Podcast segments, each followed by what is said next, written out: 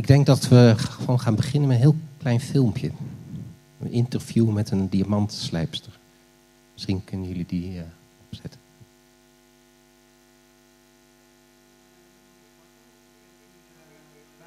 ongeveer 25 jaar. De opleiding Goud en Zilversmeed gedaan. Daarna heb ik uh, een opleiding gevolgd uh, voor diamantslijpen en ben uiteindelijk hier bij Gazan uh, werkzaam gekomen na een aantal stageperiodes. Um, slijpen van een diamant van de ruwe vorm tot een, een briljant of gassenmunt 21, dat heeft echt iets magisch. Het begint eigenlijk met een heel ruw stukje en uiteindelijk brengen wij de facetten erop aan in de juiste verhoudingen, waardoor we dus een optimale schittering krijgen. En uh, ja, zoals wij dat noemen, het leven in de steen komt. Uh, ja, die weg dat is zo fascinerend en, en ja, daar word je uiteindelijk verliefd. Dus iedereen die hier de deur uitgaat is blij. En ja, van de mensen die hier blij de deur uitgaan, worden wij ook weer blij. Nou, wat heeft dat nou te maken met mijn preek? Ik ga het vanmorgen hebben over hooglied. En ik dacht, ik ga eerst eens even de zaal in. Kijk. Heb wat verzonnen. Kan ik anderhalf meter afstand houden. Dan hoeven we niet de microfoon schoon te maken. Uh, nu loopt Frank net weg. Ja, Richard, jij komt ook misschien. Ik ga niet bij Esther beginnen. Weet wat voor antwoord ik krijg. Als ik aan jou vraag, waarom hou je van Jezus? Wat is jouw antwoord? Um, waarom hou ik van Jezus? Ja, om, um, ja, ik hou van Hem omdat hij. Ik denk ook dat het bij Hem uh, begint. Dus dat, uh, dat het liefde van Hem begint.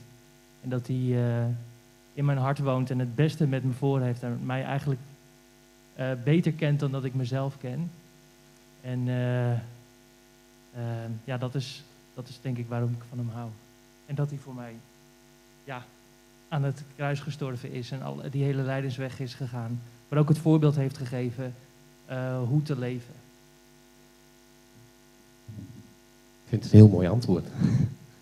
Ik vind, bedenk het niet spontaan. Er zit hier een man en een vrouw.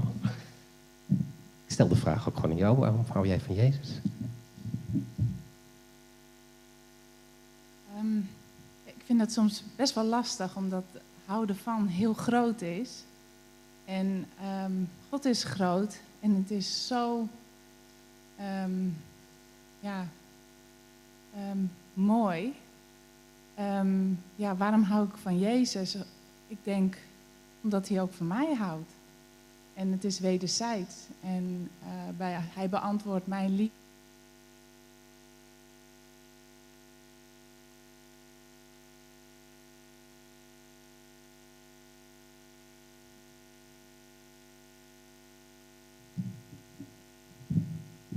spierpijn zo, Marcel? Um, ja, dus um, was ik. Um, ja, omdat hij van mij houdt en ik hou van hem. En ja, om alles wat hij voor mij doet en heeft gedaan. Ook een heel mooi antwoord, hè? Ga ik even terug naar de echtgenoot. Een andere vraag: waarom hou je van je vrouw? Ja, uh, nou ja, waar moet ik beginnen? Dat is het vooral. En uh, dat is, dat is ook, ook heel erg gaan groeien. En, ehm, eerst is het verliefdheid natuurlijk. En, en later wordt het, uh, ja, die verliefdheid moet ik zeggen, dat is er nog steeds wel eerlijk gezegd. En ja, ik, ik hou zoveel van haar en ik zie zo in, in, wat zij ook voor mij opoffert. Hè? Dus, en zij houdt meer van mij. Ja, ze houdt zoveel van mij. En dat, niet dat ik. Ja, daar hou ik ook weer van.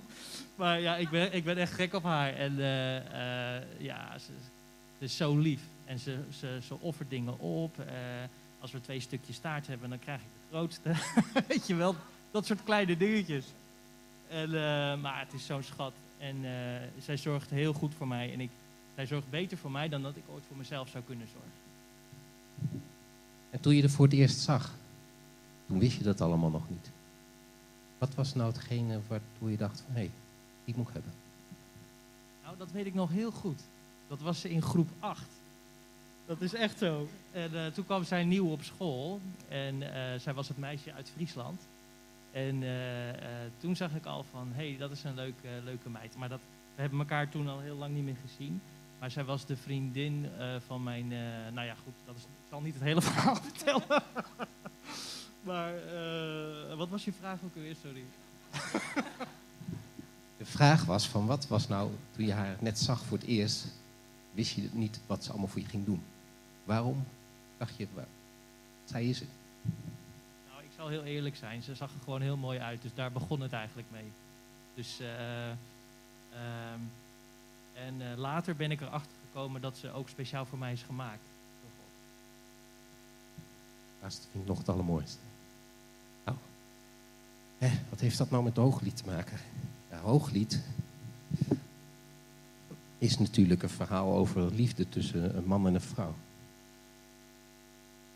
En eh, ik, ik heb wat commentaren gelezen. Hè. Salomo komt erin voor en er komt een herder in voor. Nou, niet alleen een herder, want hij heeft ook tuinen. Dus ik denk dat het een wat rijke man geweest moet zijn die en schapen en tuinen en wijngaarden had. Even op adem komen. is Zwaar ding dit. Ehm.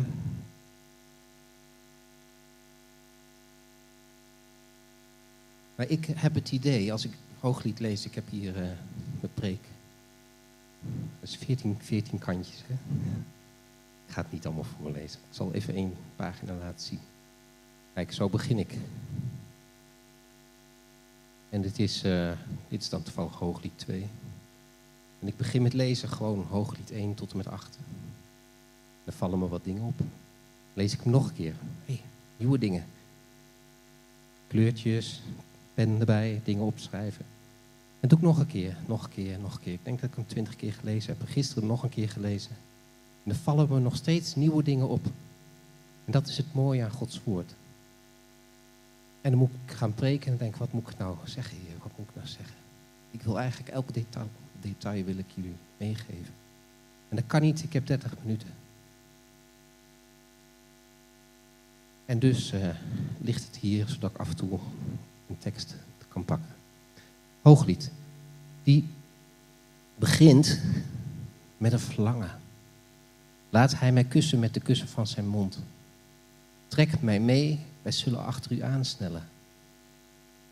Laten wij ons verheugen en ons verblijden. Laten wij uw uitmuntende liefde in herinnering roepen, meer dan wijn. Begin met een verlangen van de bruid.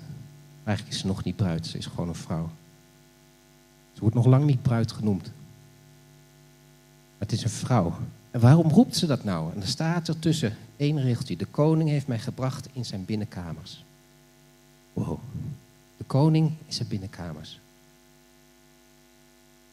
Hij heeft haar dus kennelijk uitgenodigd. Heeft haar meegenomen naar zijn binnenkamers, zijn privévertrekken. En ze is op slag verliefd geworden. En waarom? Ik heb net gehoord. Waarschijnlijk omdat hij gewoon innemend was. Bijzonder. De eerste blik was genoeg. Ze was verkocht. En dan zegt ze meteen, zijn liefde is beter dan wijn. Maar uh, ze begint net, hè. En ze twijfelt aan zichzelf. Ze zegt op een gegeven moment, ik ben donker van huid, maar bekoorlijk. Zie niet op mij neer, dat, omdat ik donker ben, want de zon heeft mij beschenen. En dan gaat ze verder. De zonen van mijn moeders ontstaken tegen mij in woede. Zij maakt mij tot bewaaksters van de wijngaarden. Mijn eigen wijngaard heb ik niet bewaakt. En ik ben erover na gaan denken, waarom zegt ze dat? Wat is die wijngaard? En langzaam werd me duidelijk, hey, die wijngaard, dat is haar leven.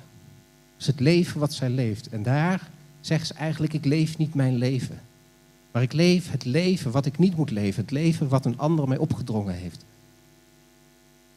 En waardoor komt dat? Waarom is zij donker? Dat komt door de zon. Heeft ze er zelf wat aan gedaan? Nee, dat is van buitenaf. Kon ze niks aan doen dat ze bruin werd van de zon. De zonen van mijn moeder, relaties, de relaties in jouw leven, met wie ga je om? Die hebben invloed op jouw leven. Alles Waar je gaat, waar je mee omgaat, heeft invloed op je leven. Dat heeft haar op een plek gebracht en haar zo beïnvloed dat ze eigenlijk zei van ik ben niet mooi. Ik ben het niet waard. Ik leef niet een goed leven. Ik leef niet mijn leven. En daar wil ik één stukje van laten horen. Een getuigenis. Ik ben, uh, Marjolein heet geloof ik. Dat was op Grootnieuws Radio in het programma bij Jorike. Een vrouw die daar wat over vertelt.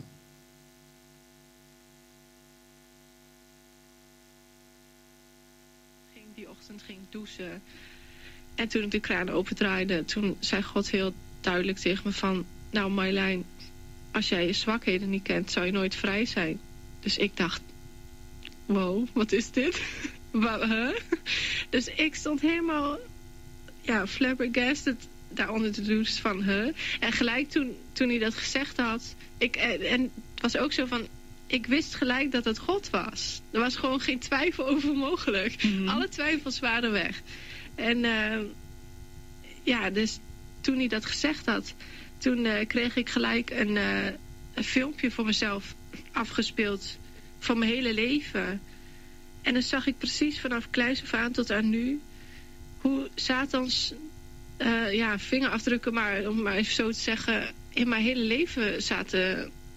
Ja, dat zag ik zo. En, en hoe, hoe de Satan ook weer dat jongetje gebruikte om mij een zaadje in me te planten weer van haat. En dat ik dan helemaal ja, ontplof. Hij zat gewoon elke dag mij gewoon te pijnigen. En ik zag dat allemaal. En ik denk, er was zo'n openbaring dat ik dacht van wow. Nou, en toen dat klaar was, zag ik mezelf staan. Met echt honderden schimmen om me heen. Achteraf, ja, dat zijn gewoon demonen. Ja, het klinkt misschien niet leuk, maar het is zo. En de ene was angst en de andere was depressie en afwijzing en onzekerheid. En nou, nog heel veel meer. En Jezus zei heel duidelijk van, maar dat ben jij niet. En dat zag ik ook. Gewoon letterlijk voor me van, dat ben ik niet. Dus toen dat lampje in mijn hoofd aanging van, huh, dat ben ik niet. Nou, dat was zo'n openbaring. En ik, nou, ik ben echt uit mijn tenen gaan bidden. En ik weet niet waar de woorden vandaan kwamen, maar ik, ik heb het echt weggestuurd. Ik zeg, nou, ik ben een kind van God. Want ik had als klein kind, had ik wel eens mijn hart aan de Heer gegeven, wist ik wel. Maar kwam er nu uit. En mhm. ik denk, ja, ik ben gekocht en betaald door het bloed van Jezus Christus. En ga weg in de naam van Jezus. Dus ik, ik voelde iets boven me zitten. En iets heel engs. En ik werd even heel bang. Uh, en ik wou nog kijken. Ik denk, maar iets in me zei van, nee, doe maar niet. En toen heb ik het echt weggestuurd in de naam van Jezus. En sindsdien ben ik gewoon helemaal bevrijd. ik heb geen angststoornis meer, geen dwanggedachten meer. Ik, ik, Want die, die schimmen gingen weg? Gingen gewoon allemaal weg. En nou, het leek wel of de hemel op aarde zakte op dat moment. Gewoon zo intense vrede en blijdschap. En nou, ik kan het met geen woord beschrijven, met geen pen. Nou, het is gewoon geweldig.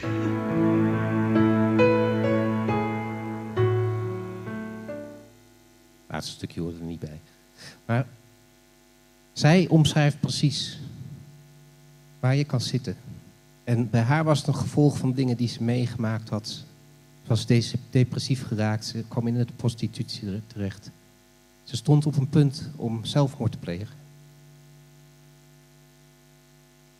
En dan opent God haar ogen. En dat is precies wat hier in Hooglied gebeurt. Die vrouw zit in de put heeft een laag zelfbeeld.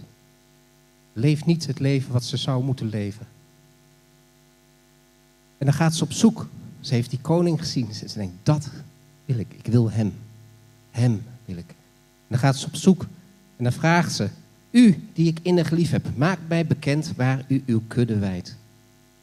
En ze kan hem niet vinden. Ze weet niet waar ze moet zoeken. En dan antwoordt hij, o allermooiste onder de vrouwen. Dat is het eerste wat hij zegt. Hij gaat niet in op waar ze zit. Dus hij gaat niet in op wat ze meegemaakt heeft, hoe ze over zichzelf voelt. Hij zegt gewoon, oh allermooiste onder de vrouwen. Dat is hoe hij naar jou kijkt, hoe hij naar mij kijkt. Oh allermooiste. En dan zegt hij, volg de sporen van de schapen. En dan denk ik, laat ik een spoor na. Ik ben een schaap. Hij vergelijkt me met een schaap. Laat ik een spoor na. Kennelijk laat ik een spoor na. Dat mensen kunnen volgen die bij Jezus komen. Laat ik een spoor na. En dat is de uitnodiging. Hij zegt, volg, zoek mij. Dus ze gaat op zoek. En ondertussen beschrijft ze nog haar passie. Ze zegt, mijn liefste is een bundeltje mirre tussen, dat tussen, de, eh, tussen mijn borsten overnacht. Ze, is zo gepassioneerd, ze wil hem pakken. En eigenlijk al datgene doen waar ze nog niet aan toe is. Een bundeltje mirre tussen mijn borsten. En dan antwoordt hij weer, u bent zo mooi, mijn vriendin. En hij noemt haar heel consequent vriendin in dit stadium. U bent zo mooi. En hij omschrijft haar wangen, haar hals en haar ogen. Dit stukje. Meer niet. En ik denk dan is dat kennelijk ook het enigste wat ze op dat moment geeft, wat ze laat zien. Meer heeft ze nog niet. Wat ze hem wil geven. En hij gaat door. Zie, u bent mooi. Mijn liefste, ja, u bent liefelijk. En dan komt er een besef bij haar. De woorden die hij spreekt komen binnen in haar hart. En ze antwoordt, ik ben een roos van Saron, een lelie uit de dalië. En hij antwoordt en hij bevestigt. Als een lelie tussen de distels, zo is mijn vriendin tussen de meisjes. En ze gaat verder beschrijven wat het met haar doet. Haar verlangen, hè, wat jij ook zei, van wat hij doet. En jij zei van wat je vrouw doet voor jou, het grootste stukje taart. Zij beschrijft hier wat hij doet. Ze verlangt er sterk naar in zijn schaduw te zitten. Breng mij in zijn wijnhuis, zegt ze. Sterk mij met rozijnen, koeken, verkwik, wij met appels, want ik ben ziek van de liefde. Wow, dat kan gebeuren hè? als je verliefd wordt. Ben jij ziek geweest van liefde toen je verliefd was? Kon dagenlang niet eten. Ik heb het ook gehad bij uh, mijn vrouw. Ziek van de liefde. Ze is verliefd geworden. Mooi hè? En dan komt er een stukje, en dat wordt een paar keer herhaald, en daar staat: Ik bezweer u, dochters van Jeruzalem, als bij de gazellen of bij de hinden op het veld, als u de liefde niet op, dat, dat u de liefde niet opwekt of aanwakkert, voordat het haar bewaart, behaagt. En het lijkt een soort waarschuwing van pas op waar je aan begint. Er is geen weg terug. En dat geldt in het fysieke, maar dat geldt ook zeker in je relatie met God. Als jij besmet bent met de liefde van God, heb jij een verlangen, ik wil mijn geliefde als een bosje mirre tussen mijn borsten. Ben je daar klaar voor? Ben je daar klaar voor? Nou, uit Hooglied blijkt dat het nog niet zo is. Ik denk, nou, dit was de eerste fase, je eerste ontmoeting. En je leven ligt in puin, slecht zelfbeeld. En Jezus begint. Dan komt deel 2. En dan komt hij aan, huppelend over de heuvels, als een, uh, wat staat er ook, als een hinde, geloof ik. En hij komt. En dan stopt hij bij de muur. De muur van haar huis. En ik zie dat in het plaatje voor me, dat je dan een huis hebt, een stuk land eromheen. Daar omheen een muur gebouwd. Is om de vossen buiten te houden. Hè. Dat komt later ook ergens terug. Om het ongedierte buiten te houden, zodat die jouw tuin en alles wat erin groeit niet aanvreten. Om te beschermen. En daar staat er, zie, hij staat achter de muur, kijkend door de vensters, speurend door de spijlen. Hij is op zoek. Hij wil een blik van haar. Hij even zien. En zij zit verstopt, ze zit in huis. En ze hoort hem en ze ziet hem. En toch blijft ze in huis zitten. En hij roept haar, hij zegt, sta op mijn vriendin. Nog steeds een vriendin. Mijn allermooiste en kom. Hij blijft maar zeggen, je bent de allermooiste. Heeft ze nodig kennelijk. En later nog een keer, sta op mijn vriendin. En kom, mijn allermooiste. En tussendoor zegt hij van weet je, de regentijd is begonnen. De winter is voorbij. Lente is gekomen. De bloemetjes gaan bloeien. De vogeltjes fluiten. Er is een nieuwe tijd aangebroken. Hè? Maar ik ben donker van huid. Mijn leven ligt in puin. Het is niet mijn leven. En hij zegt er is een nieuw begin. En dan omschrijft hij haar. Mijn duif in de kloven van de rots. In de schuilplaats van de bergwand.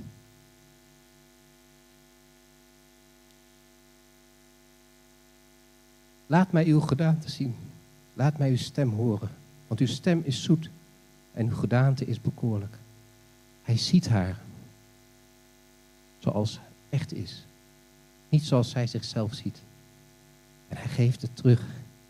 En hij zegt, ik verlang zo naar je.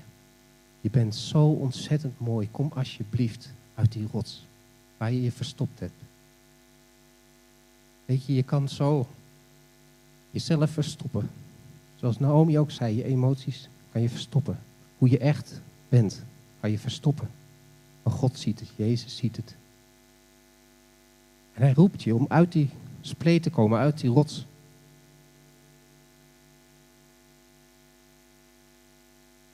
En daar komt, begint wat te groeien bij haar. Want ze antwoordt, mijn liefste is van mij en ik ben van hem. En ze begint te beseffen, hé, hey, ik ben wat voor hem, ik beteken wat voor hem. Maar mijn liefste is van mij en ik ben van hem. En dan gaat hij weer. Hij gaat weg. En ze roept nog, kom terug, kom terug. Maar hij komt niet terug. En dan ligt ze s'nachts op bed. En het duurt enkele nachten, staat hier. Op mijn bed zocht ik in de nachten hem die ik innig lief heb. Ik zocht hem, maar ik vond hem niet. Ze zoekt op haar bed. In haar eigen huis zoekt ze hem. En hij is daar niet, want hij is weer weg. En ze zegt daar in het stuk, zegt ze acht keer, hem die ik innig lief heb. Ze wordt langzaam betoverd, langzaam veroverd door zijn liefde. Ze kan alleen nog maar denken aan hem die ik innig lief heb. En ze zoekt en ze zoekt. Op een gegeven moment denkt ze, ik ga op zoek. En ze gaat de huis uit, ze komt de God uit. En ze gaat op zoek, ze gaat de straat op, midden in de nacht. En ze zoekt en ze zoekt en ze zoekt. En ze vindt hem niet, staat er. En dan komt ze de wachters tegen, die de stad bewaken. En hij vraagt hen, hebben jullie mijn geliefde gezien? Maar zij weten ook niet waar die is. En uiteindelijk vindt ze hem. En wat doet ze? Ik greep hem vast, liet hem niet meer los. Tot ik hem gebracht had in het huis van mijn moeder. In de binnenkamer van haar die mij gebaard heeft. Hem die ik innig lief heeft. Ze vindt hem en ze neemt hem mee. Ze sleept hem mee. Ze laat hem niet meer los. Mee haar huis in. En hij laat het gebeuren. Ik denk, hij is man, zij is vrouw, hij is sterker. Dus hij was daar niet onvrijwillig meegegaan. Hij gaat met haar mee. En hij staat toe dat hij meegaat het huis van de moeder in. Maar hij blijft daar niet. Hij gaat ook weer weg. Dit is niet wat hij wil. Tuurlijk, hij wil in jouw leven komen. En dit is weer een stadium in een leven, en dat kan je zijn als persoon, dat je God binnenlaat in jouw leven, in jouw huis. Maar God zegt ook hier van dit is niet het eindstation, dit is niet waar ik heen wil. En dit stuk eindigt ook weer met de waarschuwing. Ik bezweer u dochters van Jeruzalem, als bij de gazellen of bij de hinden van het veld, dat u de liefde niet opwekt of aanwakkert voordat het haar behaagt.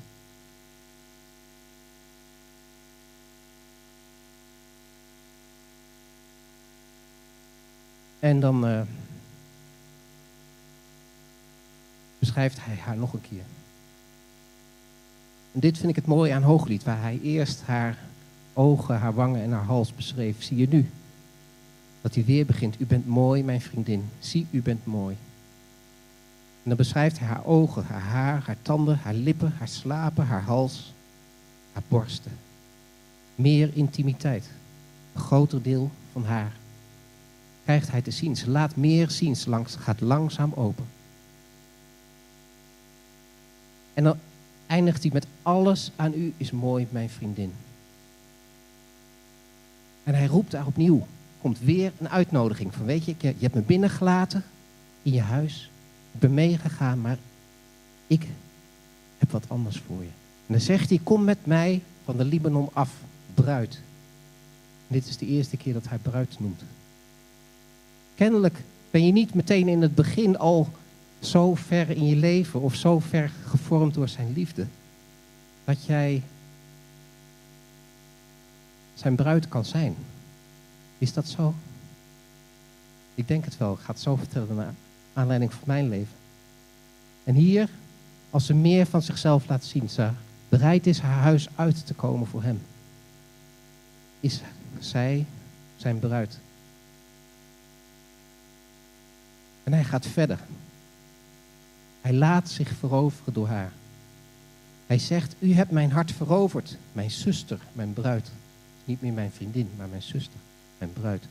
U hebt mijn hart veroverd met één blik van uw ogen. Ik kon het niet geloven. Stel je voor dat Jezus hier voor mij zou staan en zou zeggen: Jij hebt mij veroverd met één blik van je ogen. Ik denk, is het niet andersom?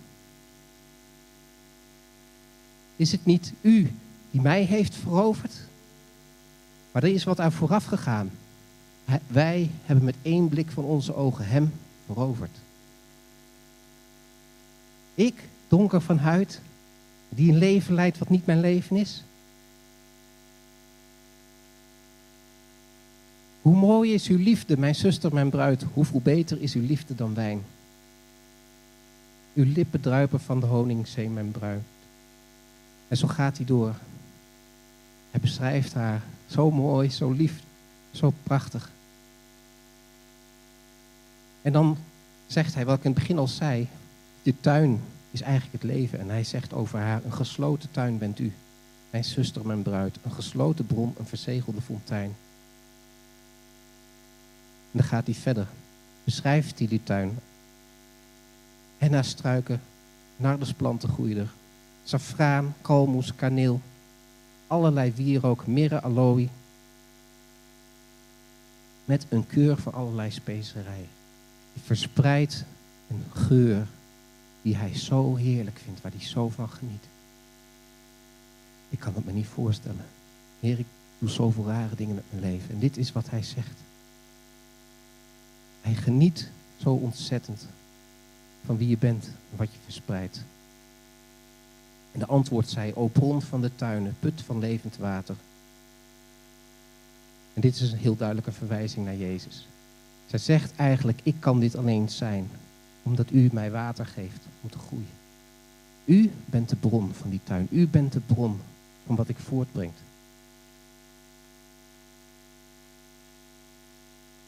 En dan antwoordt zij,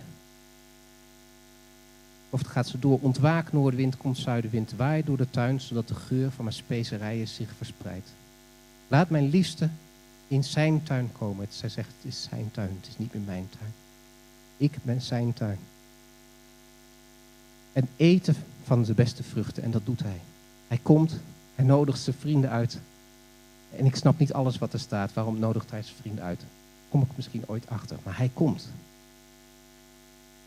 Op het moment dat jij zegt, Heer, hier ben ik. Dit is mijn leven. Hij komt. Wat voor leven je ook leidt, hij komt.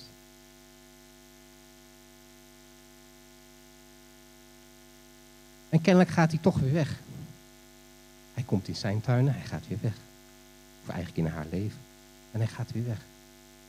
En dan slaapt ze, staat er. Ze sliep. Ik sliep, maar mijn hart waakte. De stem van mijn liefste die aanklopte. Doe mij open, mijn zuster, mijn vriendin, mijn duif. En er komt er een bij. Mijn maakte.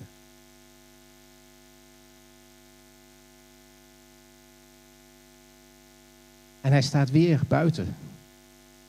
Achter de deur. De deur is dicht, ze ligt op haar bed. En ze twijfelt. Ik heb mij schoongemaakt, ik heb mij gewassen. Er is iets gebeurd in haar leven. Ze beseft, ik ben schoon. Ik ben niet meer vies. Zou ik mij opnieuw vies maken? En hij gaat weg. En dan krijgt ze zo'n spijt van. Dat ze uit haar bed springt. En volgens mij doet ze niet eens schoenen aan of zo. Gaat ze gewoon in de nachtkleding de deur uit. Je staat hier dat ze de straat op rent. En ze gaat weer op zoek. En ze kan hem niet vinden. Hij is weg. En er staat ergens tussen mijn handen te ruipen van, van, van mirre. Er is wat gebeurd met haar. En ze kan het niet meer binnenhouden. En ze rent die straat op. In paniek bijna. Dol van liefde. Op zoek. Hij is verdwenen, hij is weg. En ze heeft hem niet binnengelaten. En ze komt weer die wachters tegen, midden in de nacht. En dit keer maakt ze kennelijk een beetje een indruk op die wachters die... Waarvan ik denk van nou, ik interpreteer dat van weet je, ze is helemaal de weg kwijt. Want wat doen de wachters? De wachters die in de stad de ronde deden, vonden mij. Ze sloegen mij, verwonden mij. Ze namen mijn sluier van mij af. De wachters op de muren, degene die haar moesten beschermen. Degene die de stad veilig moeten houden. Mishandelaar. Maar het kan er niks schelen. Ze druipt niet af. Ze gaat niet terug. Ze gaat door. En ze komt de dochters van Jeruzalem tegen en zegt: Bezweer u, dochters van Jeruzalem, als u mijn liefste vindt, wat zult u hem vertellen? Dat ik ziek ben van liefde. En de dochters van Jeruzalem worden nieuwsgierig. Wat heeft uw liefste voor boven de ander? O allermooiste onder de vrouwen. Ze is veranderd. Ze is niet meer de donkere vrouw, donker van huid. Maar ze is de allermooiste onder de vrouwen. Ook anderen gaan het nu zien. Ze beginnen zich af te vragen: wat is er met jou? Wat zie ik aan jou? Die schaapjes aan het begin, die spoor nalaten. Kennelijk gebeurt er ook wat met je, dat mensen het aan je gaan zien. Je laat niet alleen een spoor na. En ze worden nieuwsgierig en ze gaan eigenlijk met haar mee op zoek. En ineens weet, weet ze, begint ze te omschrijven. Mijn liefste is blank en rood. Hij steekt als een vaandel boven tienduizenden uit. En dan omschrijft ze, je moet de preek van 14 oktober terugluisteren om te weten wat het allemaal betekent. Maar ze omschrijft zijn hoofd, zijn haarlokken, zijn ogen, zijn wangen, zijn lippen, zijn handen, zijn buik, zijn benen, zijn gedaante, zijn gehemelte. Eigenlijk alles. Van top tot teen beschrijft hem hoe hij eruit ziet. En het is niet meer hij doet dit voor mij, hij doet dat voor mij, hij betekent dit voor mij, hij is zus voor mij. Ze beschrijft hem wie hij is. En er zijn mensen die zeggen, hooglied gaat over aanbidding. Dit is aanbidding. Dat je hem groot maakt om wie hij is. Ik was ooit in Polen en ik was anderhalf jaar lang op zoek naar een lied wat kon omschrijven. Ik had dit door. En ik zei, Heer, ik zoek, zoek een lied woorden om te omschrijven wie u bent. Ik vond er niet één. Anderhalf jaar lang, ik kon niet elkaar krijgen. Ik raakte helemaal gefrustreerd. En ik was in Polen met Loofhuttenfeest.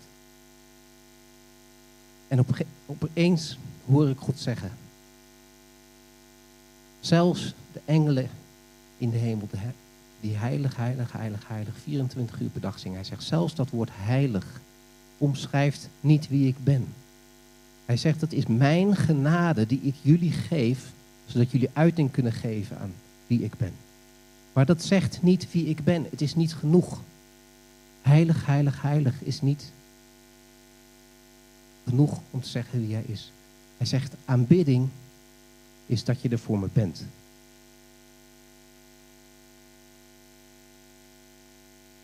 Aanbidding is dat je ziet wie hij is.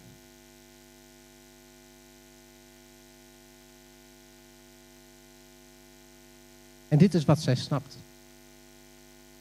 Ze beseft, mijn geliefde, zegt ze dat mijn geliefde is afgedaald naar zijn tuin. Naar de bedden met specerijen, om in de tuinen te weiden, de lelies te verzamelen. En haar mindset is veranderd. Eerder zei ze nog, mijn, mijn liefste is van mij en ik ben van mijn liefste. Nu is het omgedraaid. Ik ben van mijn liefste en mijn liefste is van mij. Perspectief is veranderd van mijn ik naar hem kijken, vanuit zijn ik naar mij kijken. Ze kijkt niet meer vanuit haar eigen ogen, maar ze kijkt vanuit zijn ogen. Wat ben ik voor hem? Wat is zijn liefde voor mij? En ze beseft, hij zit in die tuinen. Hij is in die tuinen en hij geniet. Hij staat verderop dat hij kijkt naar de knoppen die uitlopen, naar de struiken die uitlopen, alles wat bloeit en groeit. En hij geniet daarvan. En ze weet, die tuinen, als ik het vertaal, zijn de levens van mensen. Dat zijn zijn kinderen. En hij is daar. En wat doet zij? Ze gaat naar hem toe. En hij beschrijft haar dan opnieuw. Mooi bent u, mijn vriendin. En hij gaat verder. Wend uw ogen van mij af, want ze brengen mij in verwarring. Hij gaat nog een stap verder. En ik vind het heel raar om te beseffen dat Jezus op een gegeven moment naar mij kan kijken en dat hij zegt van ik raak in verwarring van jou. En dat is niet omdat ik rare dingen doe. Kan ik ook in verwarring raken als uh, soms Lisette en ik uh, oneenigheid hebben, dan raak ik soms in verwarring over dingen die ze zegt. Ik begrijp het verkeerd, maar dat is niet wat hij bedoelt. Dit is een positieve manier van in verwarring raken. En hij omschrijft haar weer. Hij schrijft haar als geheel. Hij omschrijft haar ogen, haar haar, haar tanden, haar slapen.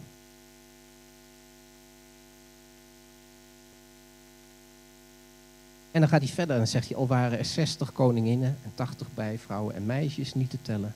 Zij is de enigste, mijn duif, mijn volmaakte. En dat is hoe hij naar ons kijkt. Hoe hij naar jou kijkt, hoe hij naar mij kijkt. Hij zegt, je bent uniek. Je bent volmaakt. Je bent de mooiste. Dat zegt hij tegen iedereen. Een vader kan dat maken. Je kan tegen mij alle drie de dochters zeggen, je bent de mooiste. En het is waar. Ze zijn uniek. En de meisjes die zien dat. En die zeggen, wie is, wie is zij die verschijnt als de dageraad? Mooi als de volle zon, zuiver als de gloeiende zon. Schrikwekkend als zij die vaandels opheffen. Ze raken onder de indruk van haar. En dan zegt hij, ik ben afgedaald naar de notentuin om de nieuwe knop in de vallei te bekijken. En dan gaat hij verder hoe hij geniet van de tuin. En zij gaat mee. En ze ontmoeten. En dan zegt hij, hoe mooi zijn uw schreden en uw sandalen. In uw sandalen, vorstendochter. En hier moest ik denken aan uh, een stukje openbaringen.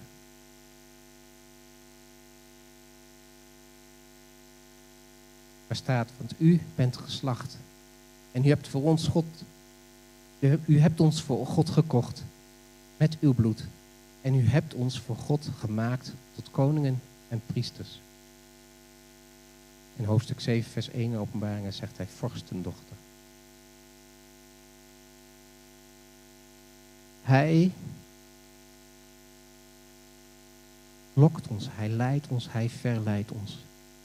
Op een positieve, mooie manier. Je hebt altijd een keus om die weg te gaan. En uiteindelijk een vorstendochter te worden. Een koningskind. En hij omschrijft haar daar weer. Haar heupen, haar navel, haar buik, haar borsten, haar hals, haar ogen, haar neus, haar hoofd, haar haar. Haar lengte van top tot teen. Helemaal. En in dat stadium heeft ze alles gegeven. Heeft hem toegang gegeven tot haar hele lichaam, haar hele zijn.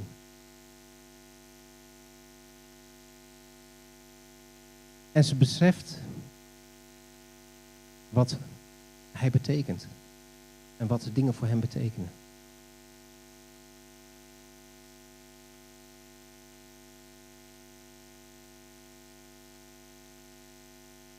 En dat zegt ze ook.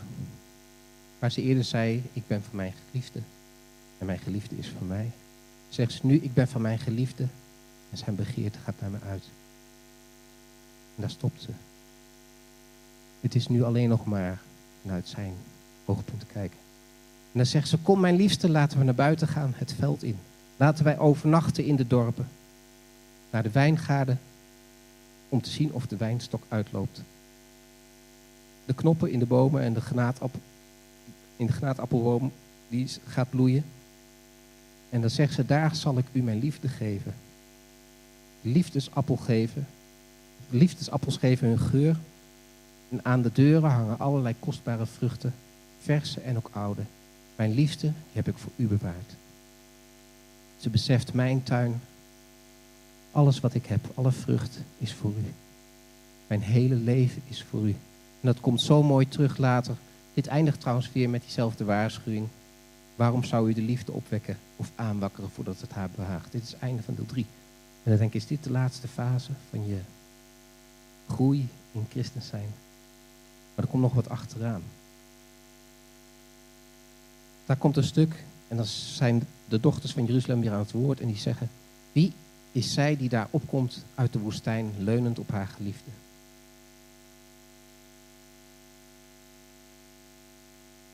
En dan gaat een stukje verder. op in vers 6, hoofdstuk 8 trouwens al aan het eind. Want de liefde is sterk als de dood, de hartstocht onstuitbaar als het graf. Haar vonken zijn vurige vonken, vlammen van de Heer. Vele wateren kunnen liefde niet uitblussen en rivieren spoelen haar niet weg. Al gaf iemand al het bezit van zijn huis voor de liefde, het zou hem smadelijk, men zou hem smadelijk verachten.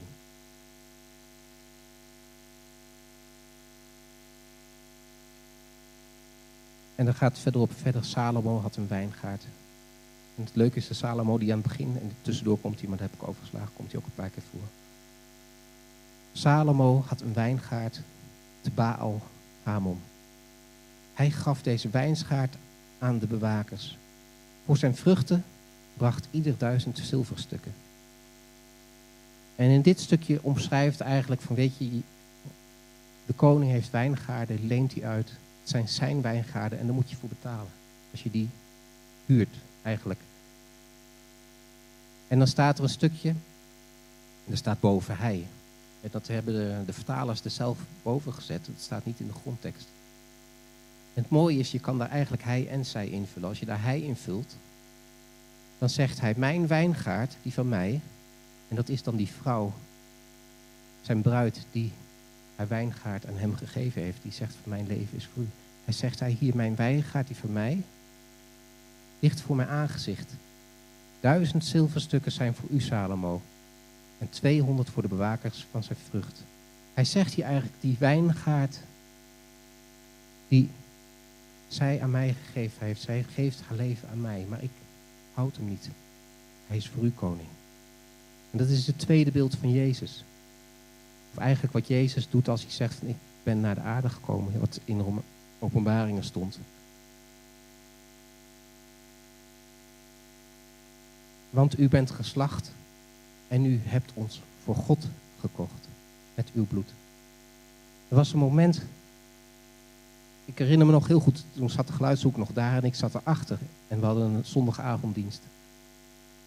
En God liet zulke indrukwekkende beelden zien. Over Nederland. En ik zat later terug in de auto en ik zei, Heer, ik ben echt onder de indruk van wat u me heeft laten zien. Maar eigenlijk wil ik veel liever weet, meer van u weten. En toen kwam die vraag, wat wil je weten dan? En ik vroeg hem, wat, wat is uw lievelingskleur? Hij antwoordde, mijn lievelingskleur is wit. Want wit is de kleur van het licht. En het licht omvat alle kleuren. En daar was ik even stil van. Ik zeg, en wat is uw lievelingseten dan? Flapte het er zo uit. En hij antwoordde weer en hij zegt, brood en wijn. Ik zeg, brood en wijn? Waarom brood en wijn? Er zijn zoveel dingen die je kan eten en u zegt brood en wijn. En hij zegt, ja, omdat mij dat eraan doet herinneren. Wat Jezus deed voor mij. En toen kwam die tekst uit Jesaja, mijn gedachten, om mijnend wil. Om mijnend wil. Heb ik jullie ongerechtigheid weggedaan. En toen besefte ik, Jezus stierf in eerste instantie niet voor ons. Hij stierf allereerst voor God zijn Vader. Om datgene wat hij was kwijtgeraakt terug te brengen. Het ging in eerste instantie niet om ons. Hij keek vanuit het perspectief van de Vader. En je ziet hier dat, zij dat ook, hij dat ook weer doet. Hij zegt, mijn wijngaard is niet voor mij, maar die is voor u. En hij geeft het aan zijn vader, aan de koning. Het mooie is, als je hier zij invult, dan zegt zij, mijn wijngaard, die van mij, ligt voor mijn aangezicht. Duizend zilverstukken zijn voor u, Salomo. En daarmee zegt zij, dit is niet langer mijn leven, dit is uw leven. Ze geeft vrijwillig haar eigen leven weg en geeft het aan de koning. En dit is christen zijn. Dit is aanbidding. Dit is leven. Het maakt niet uit waar je zit in dat hele hoofdstuk. Maar je gaat veranderen. Als je toelaat. Als je ingaat op die uitnodiging waarin hij zegt van weet je, je zit nu daar in die God. Kom je eruit Of je zit daar nu in dat leven, in die rotsituatie. Je leeft het leven dat niet voor jou is. Volg het spoor van die schapen. Je komt vanzelf bij mij. Er is altijd iets zichtbaar. En in het begin is het het spoor van de schapen en aan het eind zijn het de mensen waarmee je omgaat. Mensen die al kind van God zijn. Die je zullen nieuwsgierig maken als het goed is. Ik hoop dat ik het doe, Heer. Ik bid dat ik het doe. Dat ik mensen nieuwsgierig maak naar wie u bent. En ik zat ook te denken, hoe maak je dit nou praktisch? Ik ben altijd van het praktische. Ik spreek nu altijd voor kinderen. En dan moet het... Een kind moet er iets mee kunnen. En zo zat ik ook hier. Wat, hoe moet ik hier nou mee? Er zijn zoveel meer details die ik wil vertellen, maar wat kan ik praktisch maken? En ik denk, als ik nou vertel heel kort, al die stadia in mijn leven. En ik zeg niet dat ik in hooglied 8 zit. Ik denk dat delen van mij in hooglied 8 zitten en er ook nog delen van mij in hooglied 1 zitten. Weet je, je kan niet zwart-wit zeggen, van je zit daar, je zit daar. Maar je gaat dingen herkennen in je leven. Maar ik wil u toch meenemen naar het begin. Vlak voor die ontmoeting die ik heb gehad met God. En ik wil één ding zeggen. Dat zijn twee woorden die we heel vaak gebruiken in de kerk. Die niet in de Bijbel staan. Het ene is bovennatuurlijk. En het andere is opwekking. Ik geloof niet dat bovennatuurlijk bestaat. Hè? Kan dat nou? Ik zal het uitleggen. Op het moment van de zondeval zijn wij dingen kwijtgeraakt. En op het moment dat Jezus stierf, ging die deur weer open. En God is niet bovennatuurlijk. God is natuurlijk. Wij zijn ondernatuurlijk. Wij zijn dingen kwijtgeraakt. Maar alles wat God in de Bijbel doet is zo natuurlijk, want het is Gods natuur. En we maken er iets ongrijpbaar van, grijpbaars van door te zeggen dat is bovennatuurlijk. En steeds als je dan mensen hoort praten op het podium over ervaringen, ontmoetingen met God. Vroeger dacht ik altijd, wauw, dat moet wel een bijzonder persoon zijn dat hij dat meemaakt. En nu weet ik, dat is bullshit. Dit is voor iedereen.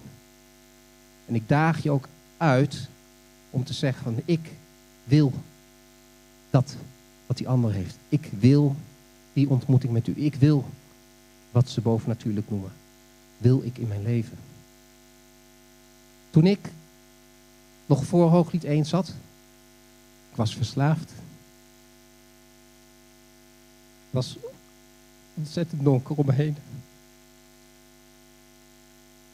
En de enige uitweg die ik nog had, of zag op dat moment, was: rij maar tegen een boom, ben je klaar. Is het voorbij.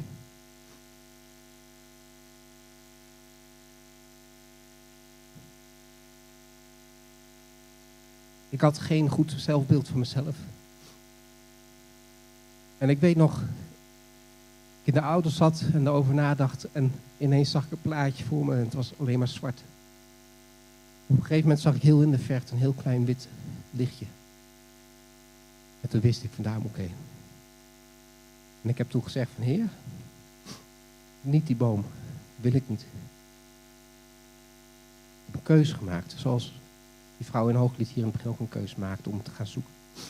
Ik zei, heer, ik wil dat licht. En daarna kwam ik in een dienst en daar sprak Marcos Wit.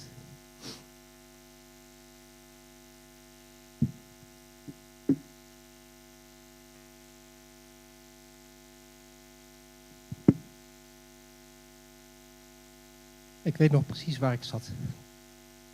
Ik zat wegdoken achter de stoelen.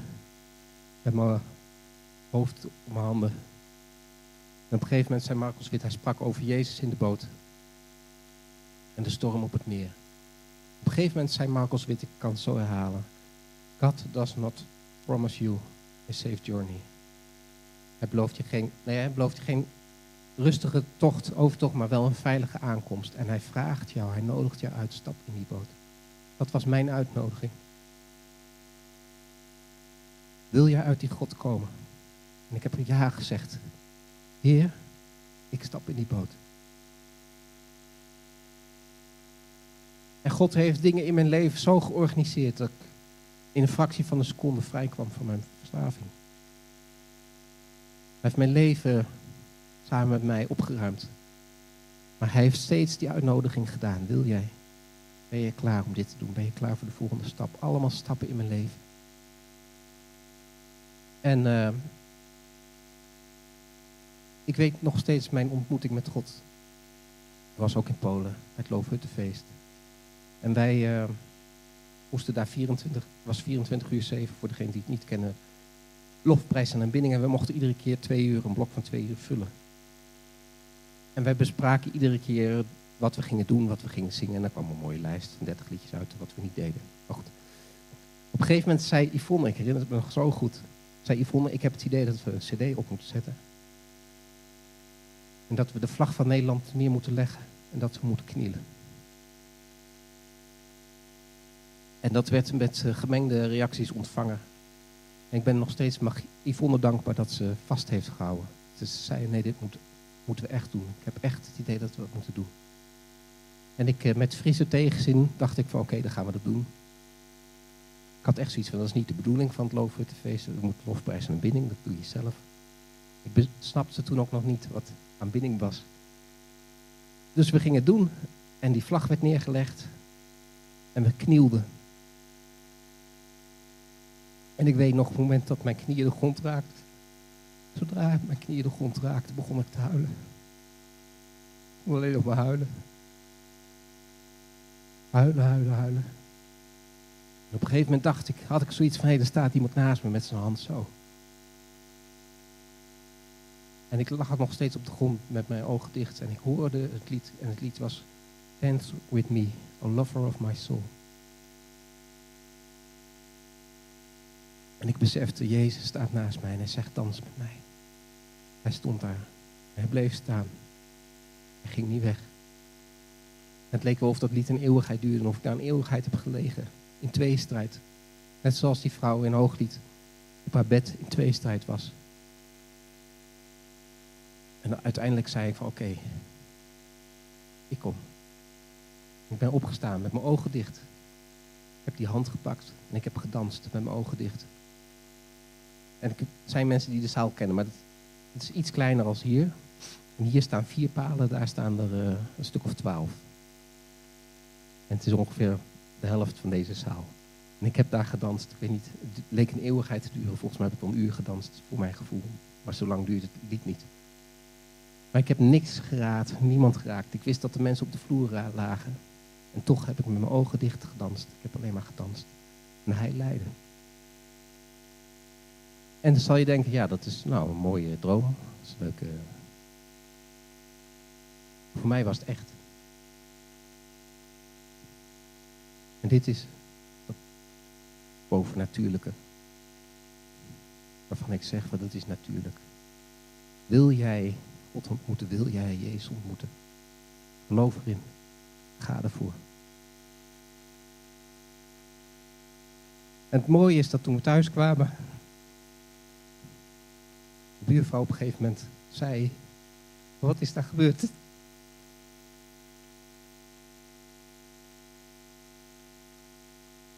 Wat is daar gebeurd? Ze zegt, zie je, speelt anders.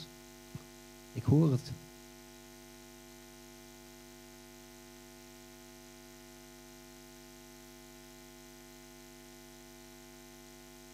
Weet je, je kan je leven zo goed proberen te leven. Maar je hebt God nodig. Je hebt God nodig. Je kan denken, ik doe het wel alleen. Ik ga het redden. Ik leer er wel mee te leven. Vergeet het maar.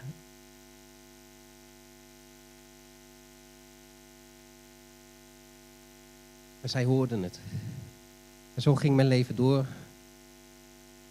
En je neemt stappen en je groeit in geloof, zegt ze dan, noemen ze dat. Je leert Jezus stukje bij beetje beter kennen. En meer van zijn uiterlijke heden die zij dan beschrijft. En je geeft langzaam steeds meer aan God.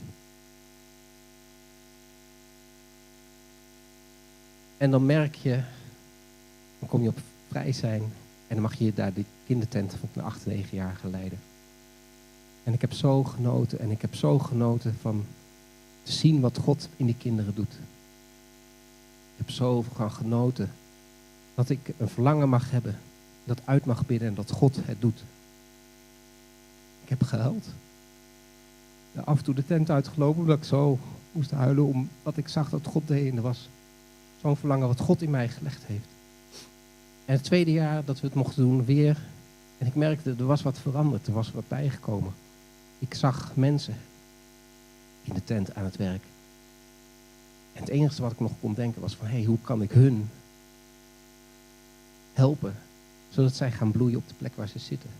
Zodat ze tot hun recht komen, zodat ze kunnen doen waar God, hun hier geroepen heeft. En dat zijn die planten en bomen in de tuin die gaan bloeien. En ik besefte dat toen ik hiermee bezig was, van weet je, dat is wat zij hier doet. Kom, laten wij gaan naar de tuinen. Ik begin zo te genieten van het helpen van andere mensen. Om te zien dat andere mensen op hun plek zitten. Of misschien niet. En te kunnen zeggen van, hé, hey, wat kan ik nou voor die doen? Wat kan ik voor die doen? Het gebeurt op mijn werk ook. Dat ik ineens langzaam groei in een rol dat ik collega's zeg van, hé, hey, kom eens even hier. Leg je wat uit. En ze op weg helpen. Ze helpen om te groeien. Beter te worden. En had ik dit tien jaar geleden, had ik echt niet gedaan. Ik zat het liefst in een hoekje mijn werk te doen. En uh, zo goed mogelijk, want ik was perfectionist, ben nog steeds, maar ik heb ermee leren leven. En ik vind het heel bijzonder om te zien hoe God mij veranderd heeft. Ik kan niet zeggen van dat heb ik gedaan. Ik heb er niet veel aan gedaan. Ik heb alleen maar de keuze gemaakt van Heer, doet u maar, ga gang. Hier is mijn leven. En ben ik nou al zo goed dan wat in hooglied 7 zit? Nee, zo voel ik me helemaal niet. Ik kom soms dingen in mijn leven tegen, dan denk ik, oh, ik begin weer bij hooglied 1. Terug naar af. En dan komt het laatste stuk daarna, hè, als hij zegt, de liefde is sterk als de dood, de hartstocht onstuitbaar. En die waarschuwing die daar vooraf staat, waarom zou je de liefde opwekken of aanwakkeren voordat het haar behaagt? En ik begrijp de waarschuwing wel, want je verliest je eigen leven. Om eigenlijk zijn leven voor jou te vinden. En die liefde die sterker zoals de dood. Heel mensen, de meeste mensen weten wel dat er zijn ontzettend veel dingen gebeurd in ons leven. De afgelopen drie jaar. Dus momenten dat ik niet meer wist, de weg niet meer wist. Soms letterlijk. Gewoon negen maanden overspannen thuis gezeten. En ik herinner me nog dat ik bij die ING werkte, die mensen waren zo lief. Mocht daar gewoon komen en dan zijn en dan na vier uur weggaan. En daar betaalden ze ook nog voor. Dat snap ik nog steeds niet. Maar na negen maanden ging ik daar weg en ik weet nog dat die man zei van ik heb nu pas het idee dat je eindelijk op gang begint te komen. Dat je er eindelijk nu pas een beetje bent. En er gebeurde nog meer. Ook dit jaar weer in januari, dat ik op een gegeven moment zo, me zo hopeloos voelde dat ik gewoon geen kracht meer had om op mijn benen te staan. Op een gegeven moment zelfs gewoon door mijn benen zakt. Terwijl ik uitriep, oh God. Zei ik weet het niet.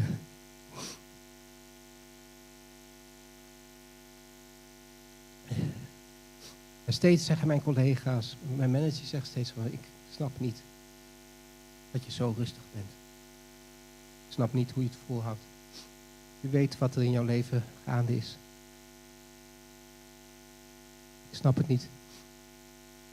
En ik snap het wel. Want de liefde is sterk als de dood. En de hartstocht onstuitbaar als het graf.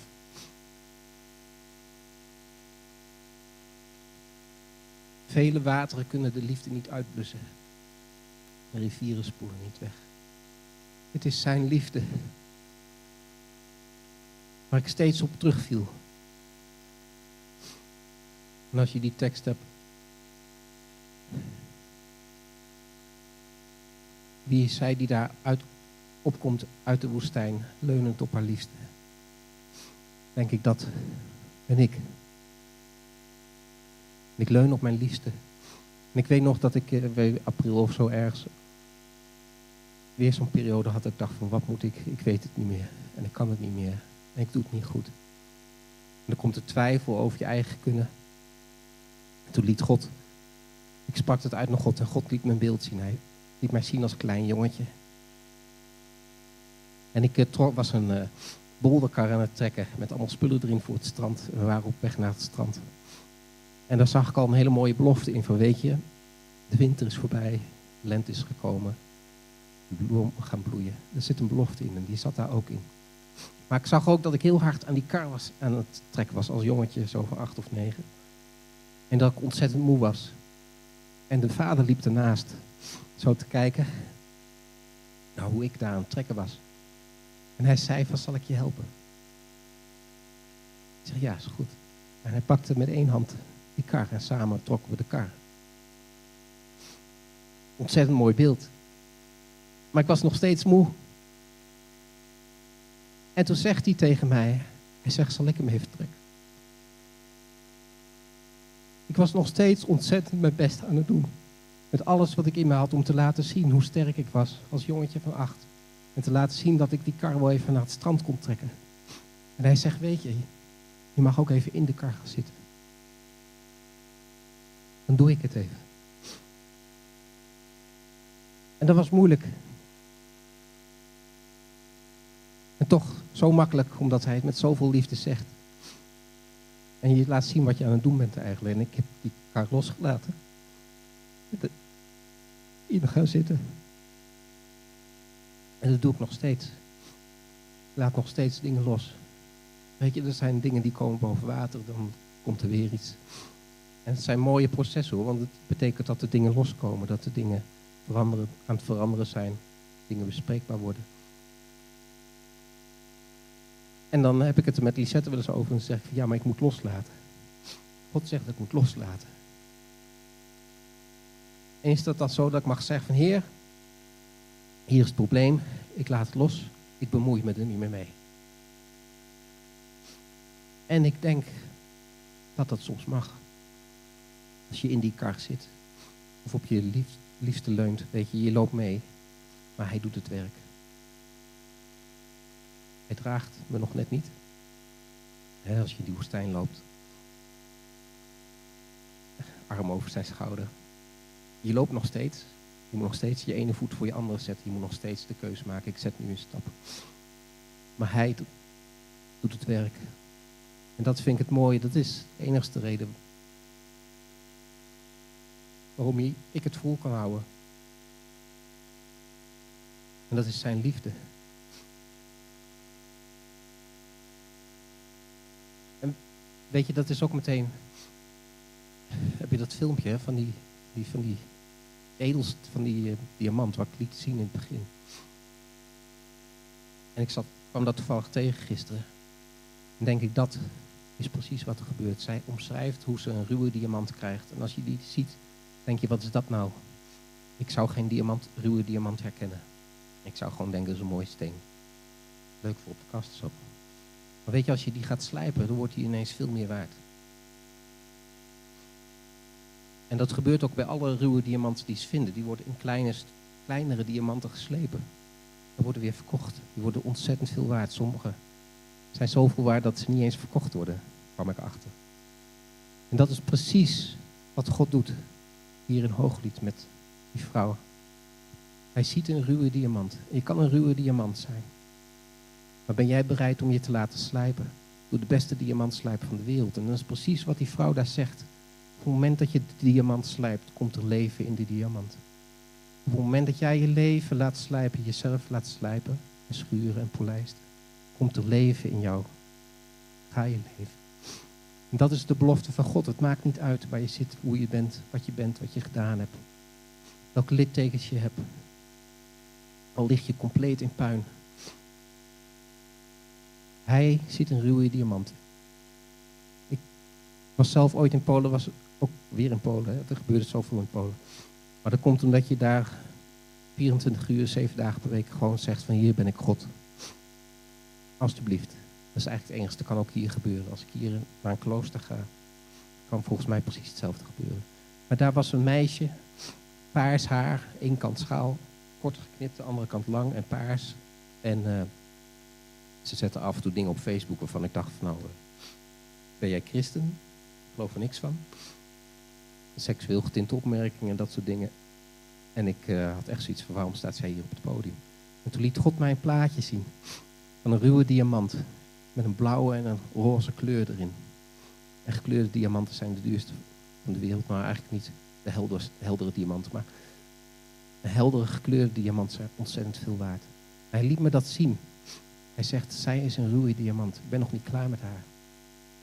En op het moment dat wij zo gaan kijken naar elkaar. Op het moment dat ik naar iemand kan kijken die net uit de wereld komt, de kerk binnen. En ik zie haar als een ruwe diamant. Eentje die nog niet klaar is. Kan ik kijken naar, kan ik dan zien wat God ziet? Ben ik bereid om te zien wat God ziet en mijn oordeel naast me neer te leggen en te zeggen van oké, ik neem je mee. Ik uh, denk dat God het wel van ons vraagt. Is iedereen hier welkom? Is hier een homo welkom? Kunnen wij hem zien als ruwe diamant? Zou hij zich hier thuis voelen? Is een zwerver hier welkom? Erger nog een pedofiel, hè? we kennen al die verhalen tegenwoordig. Ben ik bereid mijn vriendschap te geven aan een pedofiel? En hem te zien als een ruwe diamant. Te zien wat God ziet. God kijkt voorbij. Sterker nog, hij gaat er niet eens op in. Dat doet hij ook niet bij de verloren zoon. Op het moment dat de verloren zoon terugkomt, zegt hij niet van nou vertel eens, wat heb je allemaal gedaan? Nou, het eerst eens even bespreken allemaal en dan mag je pas binnenkomen. Nee, hij zegt kom eerst binnen. Eerst feest vieren en dan zien we wel weer verder. Uitdaging. Nou ja, ik denk dat ik ruim over mijn tijd heen ben. Maar dit is wel mijn verlangen. En ik denk op het moment dat wij zo kunnen gaan kijken, dat we ruwe diamanten zien. Dat God dingen hier kan gaan veranderen. Er zijn veel beelden uitgesproken over dat hier mensen voor de deur, drommen mensen voor de deur zullen staan. En dat de straten vol zullen staan van mensen die hierheen zullen komen. Maar ik denk wel dat God van ons vraagt, ben jij bereid om die ruwe diamant te zien als een ongeslepen diamant? Is daar ruimte voor in jouw leven? Is daar ruimte voor in de kerk? Ik hoop het en ik bid het. En ik hoop dat ik uh, op het moment dat het zover is er klaar voor ben. Dat ik mag zijn als Jezus zegt welkom, kom binnen. En eerst feest vieren dat je er bent. Weet je al die problemen? Dan komt rustig aan. Je hebt tijd genoeg. Je hebt tijd tot en met hooglied 8. Maar hooglied 8 komt hij weer terug. Kom haastig, mijn liefste. Wees als een gezelle of als het jong van een hert, zo sluit het af. De wederkomst van Jezus. Je hebt tot hooglied 8. En je mag er tijd voor nemen. Ik heb het ook gedaan. Daar wil ik mee sluiten.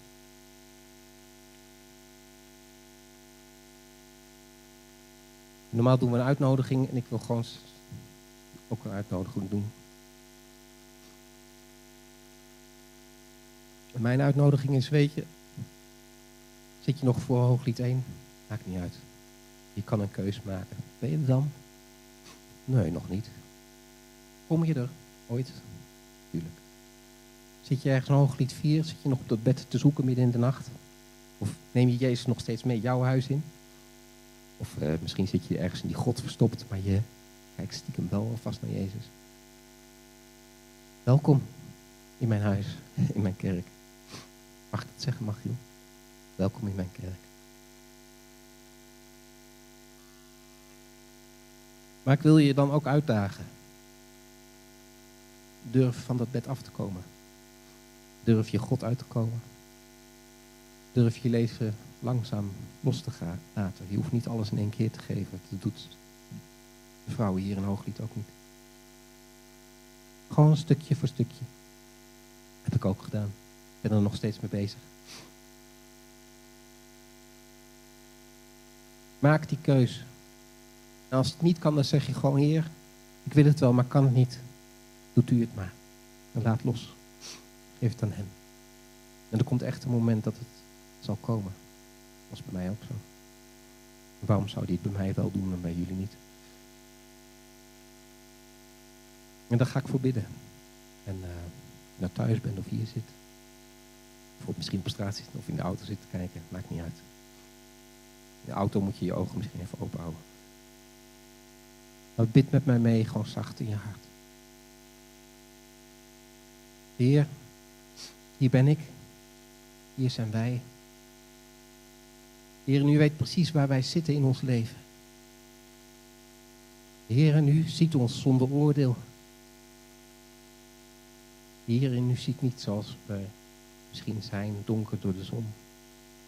In de tuin, die niet onze tuin is in het leven. Wat niet ons leven is. u ziet ons zoals we worden. Zoals we straks zullen zijn als we bij u bent. Heer, en de keuze is soms moeilijk. Eigenlijk ook zo makkelijk, want u bent zo mooi en u bent zo lief. Heer, daar kies ik ervoor. En ik bid dat mensen thuis of hier hetzelfde kunnen doen. Kies ik ervoor om het los te laten. Heer, help ons. Datgene wat ons vasthoudt los te laten en aan u te geven. Heer, en ik bid u heel in het bijzonder.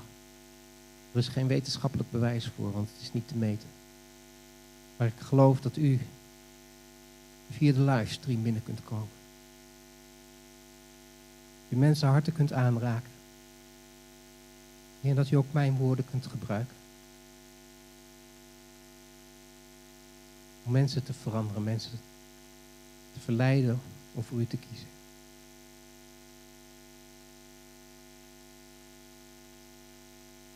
Heer, laat uw liefde stromen. Zoals dat u een hooglied liet stromen, zoals u dat in mijn leven laat stromen. vul hen, Heer. Vul hen, Heer, elk plekje wat we toelaten, Heer. ik weet, u zult ons nooit dwingen. Nu gaat ook niet ruimte in ons hart binnen waar we nog niet willen dat u komt. Maar u bent geduldig en u wacht. Maar Heer, verleidt ons om die deur toch een keer open te doen. En alles los te laten, ons hele leven aan u te geven uiteindelijk. En zegen ons, Heer, als we met deze woorden verder gaan in ons leven. Heer, ik bid dat de woorden die ik gesproken heb tot leven zullen leiden. Mensen de moed zullen geven om uit te stappen misschien hier te komen. Of anders naar een andere kerk die beter past. Heer, dat ze op zoek zullen gaan naar u. Zegen en Heer Jezus. Amen.